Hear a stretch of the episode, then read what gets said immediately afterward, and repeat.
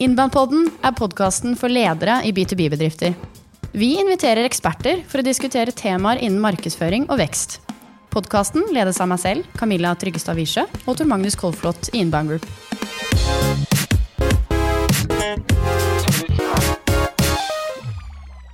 I dag har vi med oss en spennende gjest eh, i studio. Andrea Holvik Thorsson, kommunikasjons- og markedssjef i produktutviklingsselskapet Inventas. Velkommen til deg. Jo, takk. Vi gleder oss veldig til å høre fra deg i dag. Og målet med denne episoden er at folk skal få litt innsikt i hvordan kommer man egentlig i gang med en, en B2B markedsføringssatsing. Um, så jeg gleder meg til å høre fra deg hvordan dere har gått fram.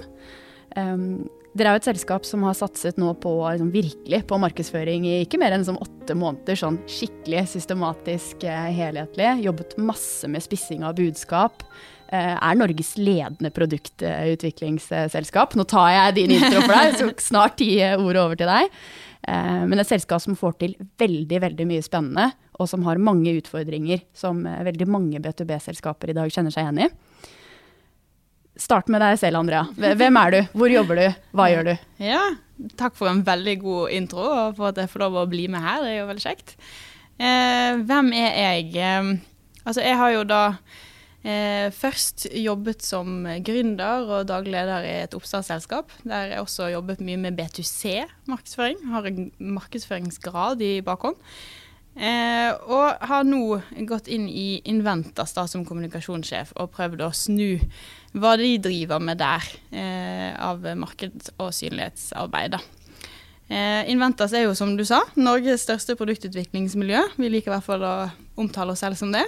Er det ikke helt sant? Eh, jo, det, det tror jeg faktisk, altså. Men man er jo alltid usikker. Vi tør jo aldri være helt bastante. Vi har jobbet mye med å, å tørre å ta den posisjonen. Um, men ja, Norges største produktutviklingsmiljø. Vi, uh, og dere var først uh, på Mars av norske bedrifter? Uh, ja, yeah. jeg tror jo det. ja, planeten Mars. ja, vi har vært med å utvikle teknologi som er på Mars. Og det er jo Fy flate. Ja, viser litt av spennet, da. for vi kan jo jobbe med kjøkkenmaskiner, fysiske konsumerprodukter til Jeg tror vi har vært involvert i noen tøfler en gang. Eh, til barnevogner, eh, ting som skal på Mars, elektriske flymotorer. Litt av hvert, men som oftest fysiske produkter. da. Eh, og vi har jo da en rekke forskjellige eh, designere og ingeniører som jobber sammen om å, å løse disse her utfordringene. da. Hvor sitter alle disse smarte nordmennene som lager så kule produkter?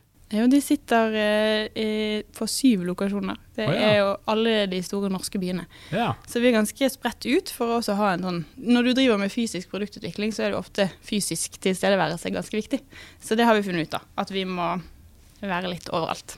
Mm. Men er det norske markedet, eller kanskje ikke? Jo. Mest det norske markedet? Ja. Så vi jobber stort sett med Bortsett norske bedrifter. Ja, men vi jobber med liksom, ikke NASA, men ESA. ESA, ok.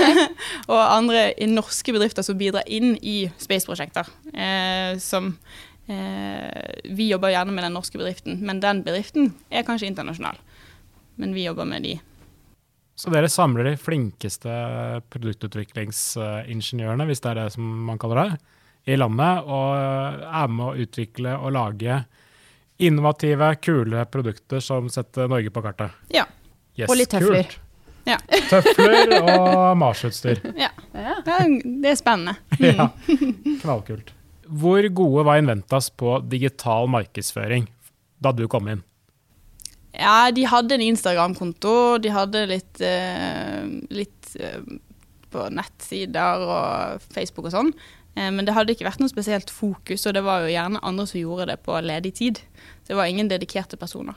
Så det som måtte være hoved leads-genereringen den gang var jo sånn word of mouth, sånn at de hadde bygget seg opp et omdømme i bransjen, og så gikk det litt mellom. Og det er jo kjempeviktig og kjempeverdifullt.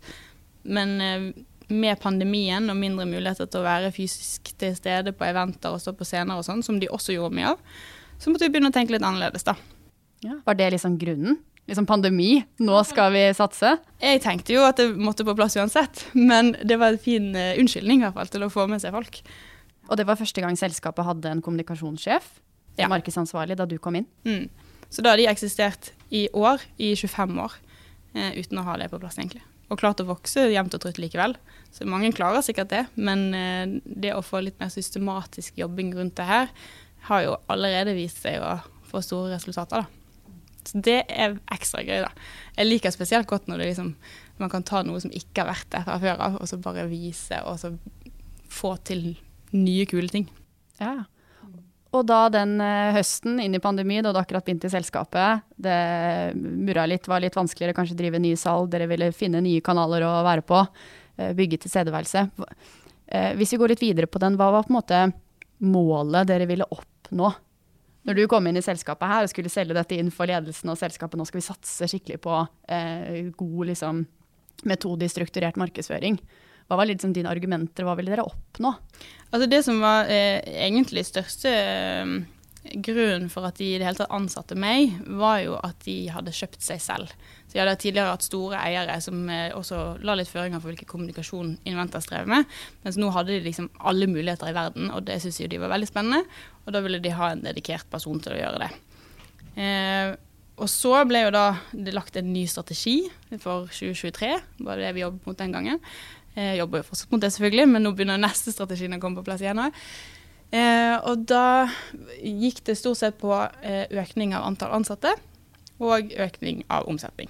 Eh, så det var jo, dagens situasjon var bra, men vi ville vokse enda mer. For dere gjorde det jo bra, tjente jo solid ja. med penger, og alle pilene pekte jo oppover. Ja, mm. absolutt. Og spesielt etter vi kjøpte oss selv òg, så var det en helt ny drive hos alle i selskapet.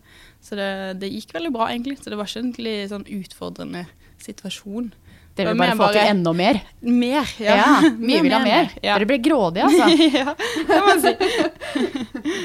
mm. Jeg tror husker du nevnte for meg at dere skulle gå fra 130 til 200 ansatte ja. på relativt kort tid. Mm. Um, og vokse mer. Visste dere på en måte noe om hva dere skulle vokse på? Du nevnte jo litt innledningsvis at dere kan jo levere alt. Fra tøfler til Mars-teknologi til liksom basically alle fysiske produkter i alle bransjer og industrier. Ja, Eh, altså vi, vi, har jo noen fagområder som vi ser blir ek, ekstra um, etterspurt. Eh, men så hadde vi også en del satsingsområder som vi ønsket å fremme litt ekstra. Som f.eks. dette med romfart eller helse eller havrom. Vi har en visjon som er 'Let us improve life through science and art'. Og det betyr jo liksom at vi hadde lyst til å gjøre verden litt bedre prosjekt for prosjekt. Spesielt nå når vi eide oss selv og kunne stå for, liksom, skulle stå for det vi gjorde, da, så var dette spesielt viktig. Og da måtte vi jo prøve å, å, å få frem det på en måte. det var ganske spennende. Spennende utfordring. Og det var liksom det første dere starta med, eller? Eller la meg omformulere spørsmålet. Hva var det du først gjorde når du startet i jobben og skulle legge denne markedsplanen og virkelig satse? Ja, det, der er det jo både fordeler og ulemper med å være helt ny, da. Eh, for du måtte bruke ganske lang tid på å sette meg inn og snakke med alle som hadde en sterk stemme i bedriften. Det var jo noen gründere her som fortsatt er der, som eh, mener mye og har lyst til å ha en finger med i spillet. Eh, og måtte skjønne hva det var de ønsket å være. Jeg, jeg kunne jo komme med mine ønsker, men hva er det egentlig selskapet vil? Og prøve å lage en eh, kommunikasjonsstrategi da, som ble det første steget, som baserte seg på hva eh, den indre motivasjonen var hos folk i Inventas. Og hvordan vi kunne bli en drømmearbeidsplass, egentlig. Var det krevende, eller? Ja, det var, det var mye kartlegging. Eh, så vi måtte jo eh, Altså, jeg listet opp liksom fire steg da, som jeg syns har vært det, det viktigste. Eh, og da er det jo å konkretisere hva som er den faktiske statusen. Prøve å liksom, eh, se hva er det vi er gode på, hva er det vi kan bli bedre på, hva er det konkurrentene gjør, vil vi ha samme posisjon som de?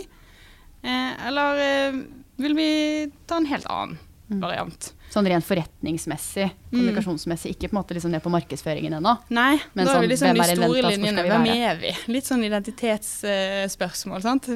Som eh, man må, må, tørre å gå inn i, da. Mm. Hvordan gjorde du det, da? Sånn, uh, her opplever jeg at veldig mange feiler og hopper litt sånn over den uh, fasen der. Mm. Hvordan involverte du liksom folk, eller gjorde du det?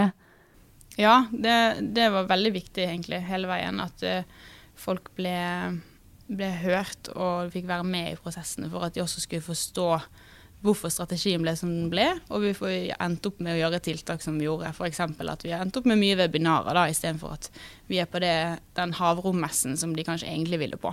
Nå må du forstå hvorfor det hele oppsettet er satt opp som det er, da, og vært med i det. Forankring. Eh, så ja, men hvordan vi gjorde det Vi inviterte vel inn til en del workshops, da. Mm. Prøvde å få de rundt bordet. Eh, tenke høyt. Skrive Post-Its og Nei, det gjorde vi vel ikke. Det var vel sikkert Miro. Det var vel digitalt. Dere har vel nok av verktøy dere ja. for å utvikle prosesser og, ja, Miro og jobbe? er jo det nice det. Er jo digital Post-Its-workshops. Eh, uh, Men um, ja, for å begynne å, å, snakke om hvem de er, det var jo lett. Det der klarer jo folk å svare massevis. Hvem var de ville? Så var det jo å prøve å konkretisere det ned uh, til noe litt mer konkret, og utelukke en del. Og da var det litt mer styling. Da var det litt mer sånn Nei, nei, nei, du kan ikke si det, og vi gikk jo bare det, og vi må jo få med det elementet. Og da ble det litt mer sånn når jeg hadde tatt det de hadde sagt og prøvd å gjøre det konkret, da ble det litt mer sånn. Ja. Har du et konkret eksempel på det? Hva, hva betyr det egentlig? Nei, for eksempel så har vi jo endt opp med eh, å ha en sånn grunnstein som er produktutvikling. Eh, og det hadde vi ikke før, selv om det virker veldig naturlig akkurat nå når vi snakker om det. Så er det blitt en stor del av kommunikasjonen. Men det var ikke noe som lå der før. For De ville ikke si det at vi bare jobbet med fysiske produkter og produktutvikling. Det var jo så mye mer. Det var jo hele innovasjonsprosesser. Det var jo søknader til uh, funding. Det var markedsplaner der òg. Altså, det var jo mye mer. Men det jeg så, og det de sa, var at det hele kokte ned til et produkt. Ja, så dere men gjør fortsatt alt det andre også, men det er ikke ja. det dere snakker om og bruker tid på å kommunisere? Ja. Det, det, det er ikke foten i døren, da, på en måte. Mm. Spennende. Så da handlet det veldig mye om å velge vekting, ja. ikke sant? Og, og hva, hva, landet dere på da? Eller du nevnte jo litt nå produktutvikling. Men hvordan tok dere det videre derfra til på en måte fra det steget til å drive med markedsføring, da? Sånn som webinarene deres som dere gjør i dag? Ja, det neste steget ble jo eh, å på en måte finne en rød tråd eller en tydelig stemme som vi ville ha. Eh, og ja, vi hadde fått det her produktutviklingselementet, men det holdt liksom ikke. Vi måtte jo få inn fagene og satsingene og bransjekunnskapen på en eller annen måte. Eh, og dette her med å være fremtidsrettet, sant, med visjonen og sånn. Eh, så det vi kom fram til da, etter veldig mange forskjellige utkast, var jo da et verdiforslag som lyder følgende. vi søker fremtidens utfordringer og skaper løsningene. Og det vil jo da ha med seg litt elementer fra, fra visjonen, litt om metodikk, søke, skape, løse. Eh, at det er fremtidsrettet, og at det handler om en eller annen utvikling. Da. Eh, og da ble det liksom en grunnpilar for det videre. Også derfor vi havnet på en webinarserie som nå heter Fremtidens produktutvikling. Sant? Da har det med seg produktutviklings... Eh, biten og det her fremtidsaspektet. Og så kunne vi krydre de webinarene med fag og bransje. Hvordan utvikle Medtech-produkter, f.eks. Ja. Så webinarer har stått litt sånn uh, ut her, som mm. sånn konkret uh, tiltak dere har gjort ganske mye av. Ja. Hatt fem webinarer tror jeg, i løpet av en periode nå, om litt forskjellige temaer. Mm. Fortell litt mer om hvorfor dere valgte den taktikken. Ja, altså når du i starten må prøve å utelukke mye når du skal lage budskapet ditt, da. Eh, så er, når du kommer til dette nivået, når du skal prioritere hvilke tiltak en så liten markedsavdeling som meg selv skal prioritere, så må man jo være ganske beinhard med å velge ut det man har troen på først. Eh, og det her hadde vi ikke prøvd før. Det var en fin måte å eh, engasjere digitalt, som kunne erstatte fysiske eventer. Eh, og det var en måte å eh, få folk til å snakke om, altså internt, for folk til å snakke om noe som de mente var viktig, som kunne være med å posisjonere oss eh, eksternt. Så da fant vi ut at ok, det må vi teste, og da tester vi det ordentlig. Da tar vi ikke bare ett webinar og så prøver vi masse andre tiltak på siden. Da gjør vi det, og that only. Men før det så var det jo viktig å få på plass liksom, infrastrukturen, målingene, sånn at vi faktisk visste om det her fungerte. Så vi brukte jo mye tid i starten på å faktisk få en rigg til å vurdere om webinarer funket. Mm. Hvordan var første webinaret? Var du med på det, eller holdt du det? Eller? Nei, da fikk jeg jo daglig leder til å stille på det, da. Ja. Eh, så det var han som eh, gikk, eh, gikk først ut. Og det var jo også veldig, veldig kjekt å få han til å liksom vise at det her er noe vi satser på nå som selskap. Både internt og eksternt. Eh, så det var jo veldig vellykket. Vi fikk jo hva var det, 170 påmeldte på første webinaret vårt, så vi var sånn Oi, er dette normalt? Fikk litt sånn selvtillit og ja. Men eh, så har det holdt god kok hele veien, så det viser seg at det, det var et spennende tema vi klarte å treffe. Ja. Tror du det er grunnen? At liksom dere har funnet et tema som virkelig liksom treffer målgruppen? Er det litt sånn Jeg håper jo det. Ja. For det har jo vært liksom bundet ifra den første diskusjonen om strategi til hva det var som ble verdiforslaget, til hva det var som ble temaet her. Det har jo liksom vært nøye gjennomtenkt. Det er ikke tilfeldig. Så det er jo Håper jo at, at det er det som gjør det, og at vi liksom har vært veldig strenge på personers og targeting. da, At vi vet hvem vi skal nå, og hva de bryr seg om. Ja. Så, så dere er, det en tydelig målgruppe for de webinarene? Hvem dere vil at skal være på de webinarene? Mm. Hvem er det, uten å liksom gå altfor i dybden på, på deres drømmekunder, men eh, Nei, Sammen med, med dere i Innband så kom jo vi fram til at det skulle være TED, teknisk direktør. Som eh, han hørtes hyggelig ut. Ja, og som eh, er opptatt av hva som beveger seg innenfor tech da, i fremtiden, og påvirker hans hverdag. Eh, og Derfor tenkte vi at et fremoverrettet eh, webinar ville være spennende. Også litt skummelt sant, å ta tak i ting som vi heller ikke egentlig vet noe om, men som vi må tørre å mene noe om da, likevel. Mm. For, for da snakket dere rett og slett om faget? Eh, eller snakket dere mye om dere selv og på en måte hvordan dere kunne hjelpe, eller hvordan Ja, nei, vi, vi var veldig opptatt av å ikke være selgende. Eh, for det tror jeg er viktig i en sånn inbound-strategi, at man prøver å eh, treffe det som kunden faktisk sitter og lurer på, og som eh, preger deres hverdag. da. Så vi, jeg var veldig streng med alle som prøvde å putte inn en eh, salgsslide i webinaret. Og sa nei, ingen salg, her er det kun snakk om dette temaet. Og ta det der Medtech-webinaret, da, så handlet det jo om hva har skjedd i eh, det som omkranser medtech-utvikling. Hvilke ting er det som påvirker deg som driver med det? For det er jo et ganske heftig utviklingsløp med mye regulatoriske ting og regler som må være på plass. Så det var sånn ja, informativt hva vi ser, hva vi tror kommer til å skje. Hva, hva sier liksom markedet om utviklingen av dette her fremover, da. Mm. Var det på en måte samme måten dere vanligvis hadde gjort det på da dere var på messer og ute på eventer? Eller var det mer liksom selgende da, nå var det liksom første gang dere liksom turte å snakke fag? Nei, ikke, du... ikke produkt, men dere snakker jo om produkt, da. Ja. I det dere gjør. Eh, ja, jeg tror faktisk det. Nå eh, var det ikke så mye fysiske eventer før jeg kom inn, så jeg er ikke helt sikker. Men, eh, men sånn jeg har hørt det, så er det jo mye mer sånn hvem er Inventas type presentasjoner, og hvilke prosjekter har vi hatt. Det har vi hatt mye fokus på, da. Hvilke prosjektreferanser vi har som har eh, likhet til det andre kunder lurer på. Mm. Dette høres jo nesten sånn liksom for godt ut til å være sant, dette her. Satt retning, nailet webinarer fra første gang. Eh, har du gått på noen tabber? Har du gjort noe feil ennå? Nei, ingenting. Nei, ingenting, ingenting Jo, jo, konstruktivt man kan sitte igjen med å lære av hva du har eventuelt eh, gjort feil.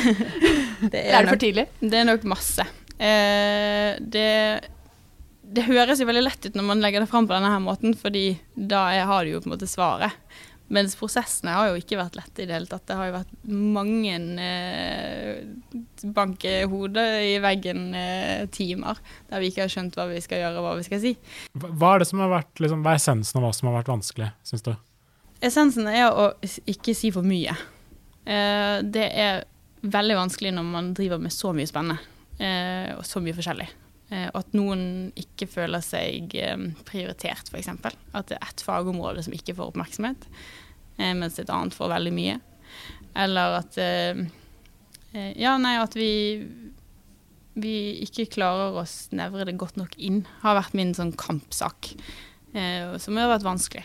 Så at det bli litt og litt og litt. Jeg tror det er vanskelig for ganske mange. Mm.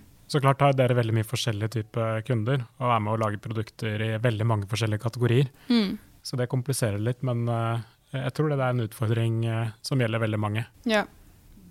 Og det, der handler det jo om eh, å tørre å prøve noe, da.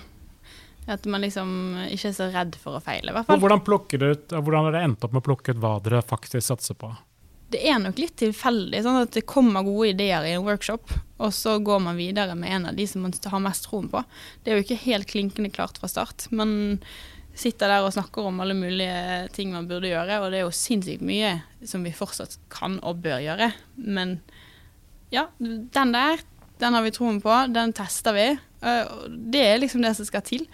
For hvis det blir for mye omveiinger, altså frem og tilbake. Er dette best løsning eller ikke best løsning? Vi vet ikke. Noen ganger må man bare komme ja. i gang med å teste ting også. Må det. altså ja. Bare komme i gang, prøv et eller annet. Gjør og da valgte vi det. ja. det ja. Men dere har satt så mye på webinarer, og så har dere valgt bort en del ting. Hvilke andre taktikker er det som dere på en måte bevisst har valgt litt vekk, egentlig? Som du har tenkt liksom, ja, det kunne vi ha gjort, men det gjør vi ikke. Noe som kanskje har vært litt vanskelig for inventer, så er jo dette med fysiske eventer. Vi har jo hatt mye sånne her eh, fuck up nights eller sånne innovasjonskvelder og sånn som de har satt veldig pris på. Som eh, inviterer folk inn til eh, litt eh, mat og hyggelig stemning. Eh, og det har jo jeg måttet si at det tar jeg ikke del i. Eh, det kan dere gjerne gjøre lokalt på de kontorene dere har, men det, det blir ikke mitt fokus. Eh, så det tror jeg var, det var jo litt vanskelig å måtte, si nei til. Og så er det jo også litt sånn der eh, Veldig begrenset fysisk tilstedeværelse, egentlig. Altså lite markedsmateriell. Eh, brosjyrer Har du ikke bunker sånn. med visittkort og bannere og stands og sånn? Nei, det har vært veldig lite av det. Men det har jo vært et veldig naturlig følge av pandemien, pandemien selvfølgelig. Um, men jeg føler meg jo sånn sett heldig som fikk lov til å pushe det igjennom eh, når det var et must. Eh, for jeg tror fortsatt at det er en veldig riktig strategi nå i dag, da. For mange gjør jo undersøkelser. Altså disse kundene som du prøver å nå, vil jo bruke mye tid på å undersøke rundt omkring på nett. Eh, er de på den messen, så har de egentlig kommet litt for langt i salgsprosessen. Da er de jo liksom allerede litt ute etter en løsning. Men du vil jo være med å påvirke de enda litt tidligere, når de ikke egentlig helt vet at de trenger Inventas. Ja. ja, det er nettopp det det handler om. Altså, Innmarkedsmarkedsføring spesielt, da, hvis man bruker den delen av, uh, som en strategi da, for B2B-markedsføring. Det å komme inn tidlig. Mm.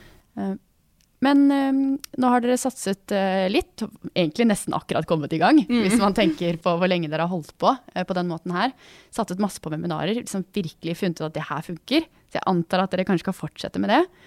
Men eh, hvor går liksom veien videre for markedsføringen deres? Hva har du mm. lyst til å fokusere på de neste, neste året f.eks.? Har du gjort deg noen tanker om det? Ja, altså jeg er jo veldig usikker på hvor lenge vi klarer å holde en sånn webinarbølge gående. Altså med så mye påmeldte og så mye oppmerksomhet. Jeg vet ikke hvor lenge folk vil høre om det. Det må vi jo bare følge med på. Men eh, jeg tror på at det viktigste videre også handler om å eh, tørre å prøve nye ting. Fordi nå eh, har jo vi blitt litt komfortable. Vi vet at dette fungerer. og Vi kan jo bare plutselig liksom, bli litt redd igjen da, for å, å fucke opp med det vi har fått til. Eh, så nå handler det jo om å tørre å gjøre det en gang til og en gang til. Og bare hive seg ut i det ukjente. Eh, og, og, liksom prøve ting som vi ikke har prøvd før.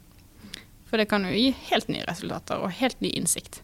Men det har jo vært et viktig poeng da, at det har vært webinarer og Hubspot egentlig, som har vært hovedkjernen av det vi har drevet med nå. Få opp en skikkelig god infrastruktur med ordentlige målinger og ting som gjør at vi får den innsikten vi trenger. Lære mer om hvordan de eh, beveger seg i forskjellige medier, og hvilke innhold de liker og ikke liker. Og, ja, sånn at vi kan ta klokere valg fremover. Da.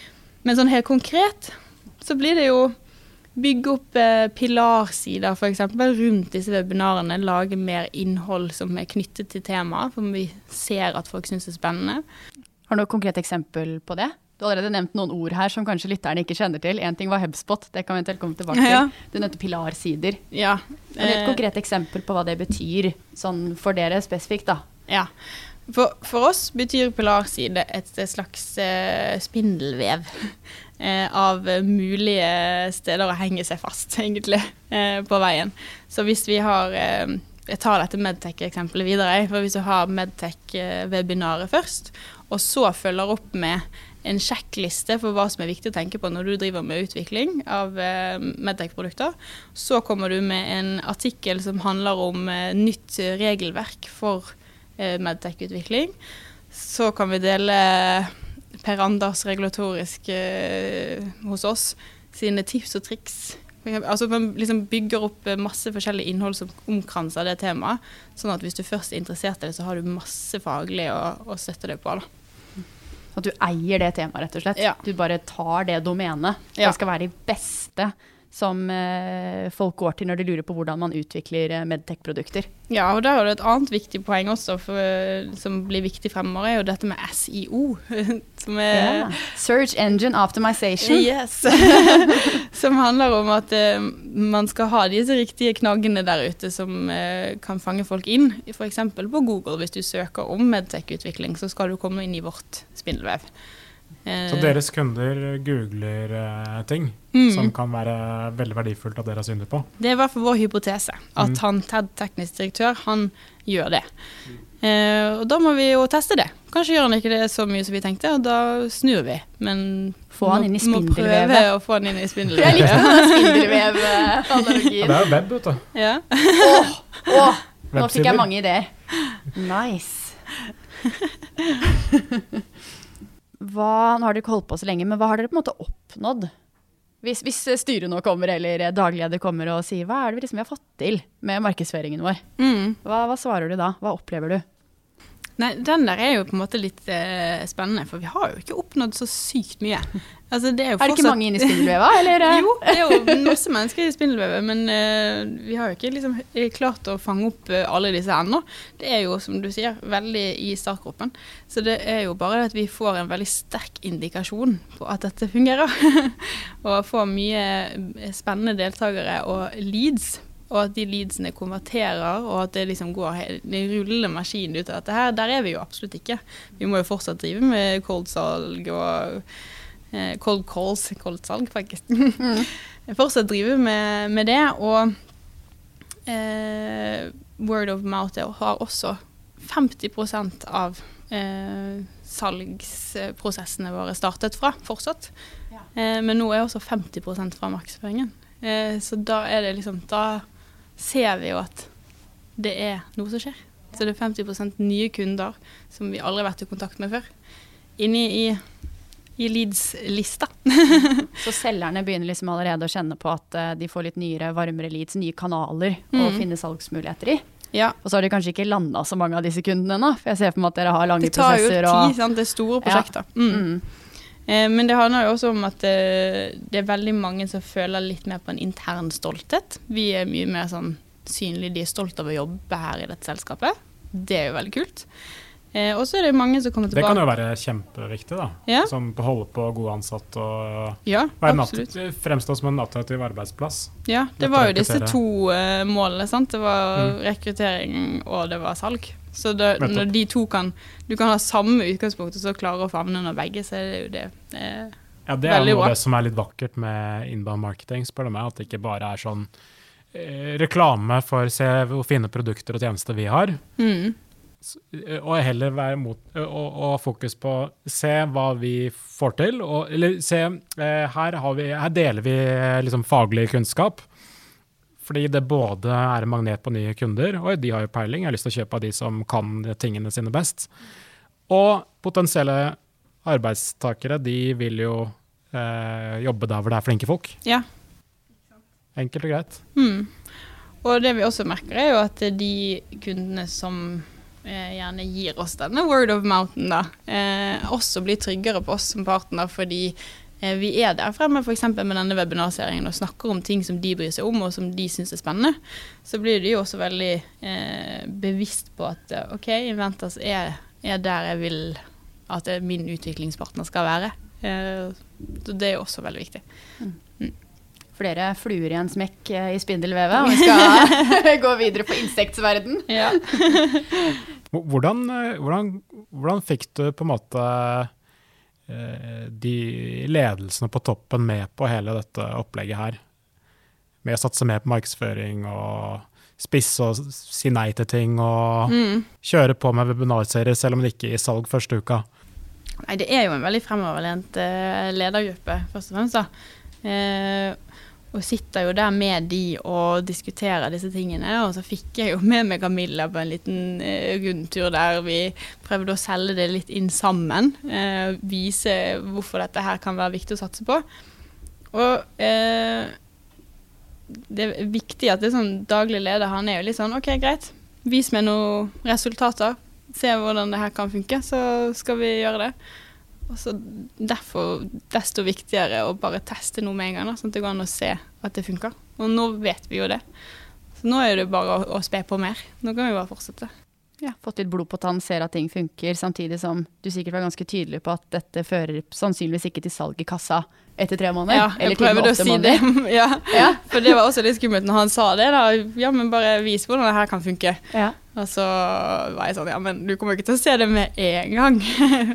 men du får kanskje en indikasjon. Sitter de og, og tripper nå, eller hvordan uh... Ja, nei, de, de, har jo sett det nå, da. Nå tror jeg de er ganske trygge på at det her er, er bra. Og så ser de også at det har ting å si for andre områder enn bare salg. Sant? Og da er det litt, litt, enklere å akseptere. Men det handler om å bygge liksom brick for brick. da, altså Prøve å komme med de små drypp, eh, og så ta det opp igjen. og så, ja. Er du flink til å måte, informere internt og til ledelsen hvordan ting utvikler seg og hva som skjer? Mm. Vi har jo da jevnlige sånne mm, forretningsgjennomganger, f.eks., for eksempel, der vi snakker om alle som har noe eh, aktiv rolle eksternt, f.eks. Prosjektledere og eh, salgssjefer. Ja der vi snakker om resultatene og hva vi har drevet med, og hva som er tanken, og planene er presentert, og de har vært med på å legge planene, sånn at de også skjønner eh, hvorfor ting har blitt som det er blitt, hvorfor jeg har gjort de prioriteringene som jeg har gjort. og ja. Mm. Så det er ikke bare du som sitter i ditt hjørne og lager en markedsstrategi og plan, og så kommer du til dem og det så sier du hei, nå må du gjennomføre. Nei, det, det hadde ikke funket. Nei. Markedsføring skal bare være et, et, sort hull man putter penger inn i. Ja. Ingen vet hva det går til. Ja, så går det et år, og så fingeren i lufta, og så ja. putter man kanskje Det kan sikkert funke for noen, ja. men, uh, men, ikke her. Vi hva tror du de andre alle... Inventas har vært mest imponert over uh, gjennom de siste månedene? Nei, jeg tror kanskje det, det kan være litt sånn uh, driven, da. At det liksom man får frem nye planer og prosjekter i denne bedriften, da. Uh, og prøver nye ting som vi ikke hadde prøvd før. Og at det, det faktisk funker, er jo selvfølgelig med på at det, de syns at det er kult. Men at liksom, de ser at det skjer ting her som ikke har vært, skjedd, som har vært gjort før. Det tror jeg at det er veldig kjekt. Hvis vi skal oppsummere litt eh, nå, sånn eh, hvis folk, eller lytterne som sitter her nå, blir eh, gira litt på dette her, ser hvordan det kan gjøres, sikkert plukket med seg mange tips. Um, hvis du skal oppsummere litt og kanskje trekke fram liksom, de viktigste rådene du ville gitt til et selskap som kanskje sitter litt i samme situasjon som deg, som er én person og har hele markedsavdelingen og ønsker å få til dette her. Kanskje med en ledelse eller et selskap som ikke er like modent. Mm. Hva er liksom det første du vil råde dem til å gjøre? Eh, jeg tror det første som er viktig for alle de punktene der, med å få ledelsen og resten av organisasjonen til å skjønne at det kan være viktig, er å på en måte konkretisere hva som faktisk er status. Sånn at, eh, en slags diagnose, da. Eh, sånn at vi, vi, ser at OK, vi har jo eksistert i 25 år, det er noe gjør vi jo rett. Det er viktig å ikke liksom underbygge det òg. Det er mye bra her. Og det må vi beholde. Men vi ønsker å være her borte. Hva er det som må til for å få til det? Eh, hva gjør konkurrentene våre? Det bryr veldig mange seg om. Sant? At man skal ikke være dårligere enn de. Vil man ha den samme posisjonen som de, eller vil man ha den helt annerledes? At man ser liksom OK, hva er, hva er det som skjer rundt oss, og hva er det som skjer innad? Eh, og så er det jo på en måte å finne ut hvilken posisjon man ønsker å ta, da. Og så tørre å gjøre den der utelukkingen som er skummel, men å prøve noe og se om det kan funke. Eh, finn din røde tråd. Og til slutt, prioriter. Velg noe først. Prøv det ordentlig. Se hva du får resultater, og eh, beveg deg videre derifra med den innsikten du får av det. Dette er en klok dame, Camilla. Ja, det syns jeg òg. Og så er det jo sånn, eh, Når dere satser mye på webinarer og sier ja, vi satser egentlig nesten bare på webinarer via markedsføring, så høres det veldig sånn enkelt og greit ut. Men jeg vet at eh, det skal ganske mye til for å få webinarer til å fly. Og liksom, Én ting er å finne liksom, tema og vinkling, og, og sånt, og det kan være veldig, veldig vanskelig, som du har snakket litt om. Få folk til å være med, de faglige ressursene som skal holde webinaret. Men eh, liksom, markedsarbeid også. og du må få med påmeldinger. Du vil få de riktige folka og potensielle kunder til å komme med og være med på dette her, og de skal bli fulgt opp i ettertid. og Det er, det er, det er mye greier rundt webinarer, det har jeg lært. Ja. Så det er det viktig å ha på plass. Kan ikke bare holde et godt webinar, og så er det nesten ingen som hører på. Det er, det er litt dumt. Nei, men du kan jo fortsatt tørre å prøve. Ja. Eh, om du da bare har fem påmeldte på det første webinaret, kjempebra innsikt, det. Hva, Så lenge du der kjenner det, da, og ikke Ja. legger ned satsinga etter det første webinaret. Nå var jo dere, jeg skal ikke si heldig, for det ligger jo masse arbeid bak det dere gjorde riktig med de webinarene, tror jeg. Men dere fikk det jo til å sitte ganske godt på første forsøk. Og det er nok fordi dere brukte mye tid da, og gikk gjennom de vanskelige prosessene som du også nevnte. Og veldig mange hopper jo over de stegene der. De bare går rett på og finner et eller annet webinartematikk eller annen tematikk som de syns er kult å snakke om. Og så forventer de at alle bare magisk skal finne fram til det webinaret, og så ender de opp med å bare ha et salgsmøte. Ja. Aleine. Ja. Tipper det er ganske bra promotering også, når Ja. du får 175 med. Ja, Ja. det tror jeg. Så det er flere brikker som skal på plass, tror jeg. Ja. Men da tror jeg vi må avslutte. Eh, Tusen hjertelig takk for at du var med, Andrea. Takk for at jeg fikk komme. Vi har også et webinar hvor Andrea forteller litt. Så kan du se henne i levende live, som du kan laste ned på nettsidene våre. Dette blir veldig gøy å Ja. følge videre. Ja, det gleder jeg meg til. Det er mulig vi må ha deg i studio igjen om et halvt år eller eh, et Ja, år det kan være spennende. Ja. Da får du enda tøffere spørsmål. Ja. Til dere lyttere der ute, legg veldig gjerne inn en kommentar. Del, eh, like, gjør alt det du gjør der hvor du hører på podkast, sånn at vi når fram til enda flere eh, B2B-selskaper der ute.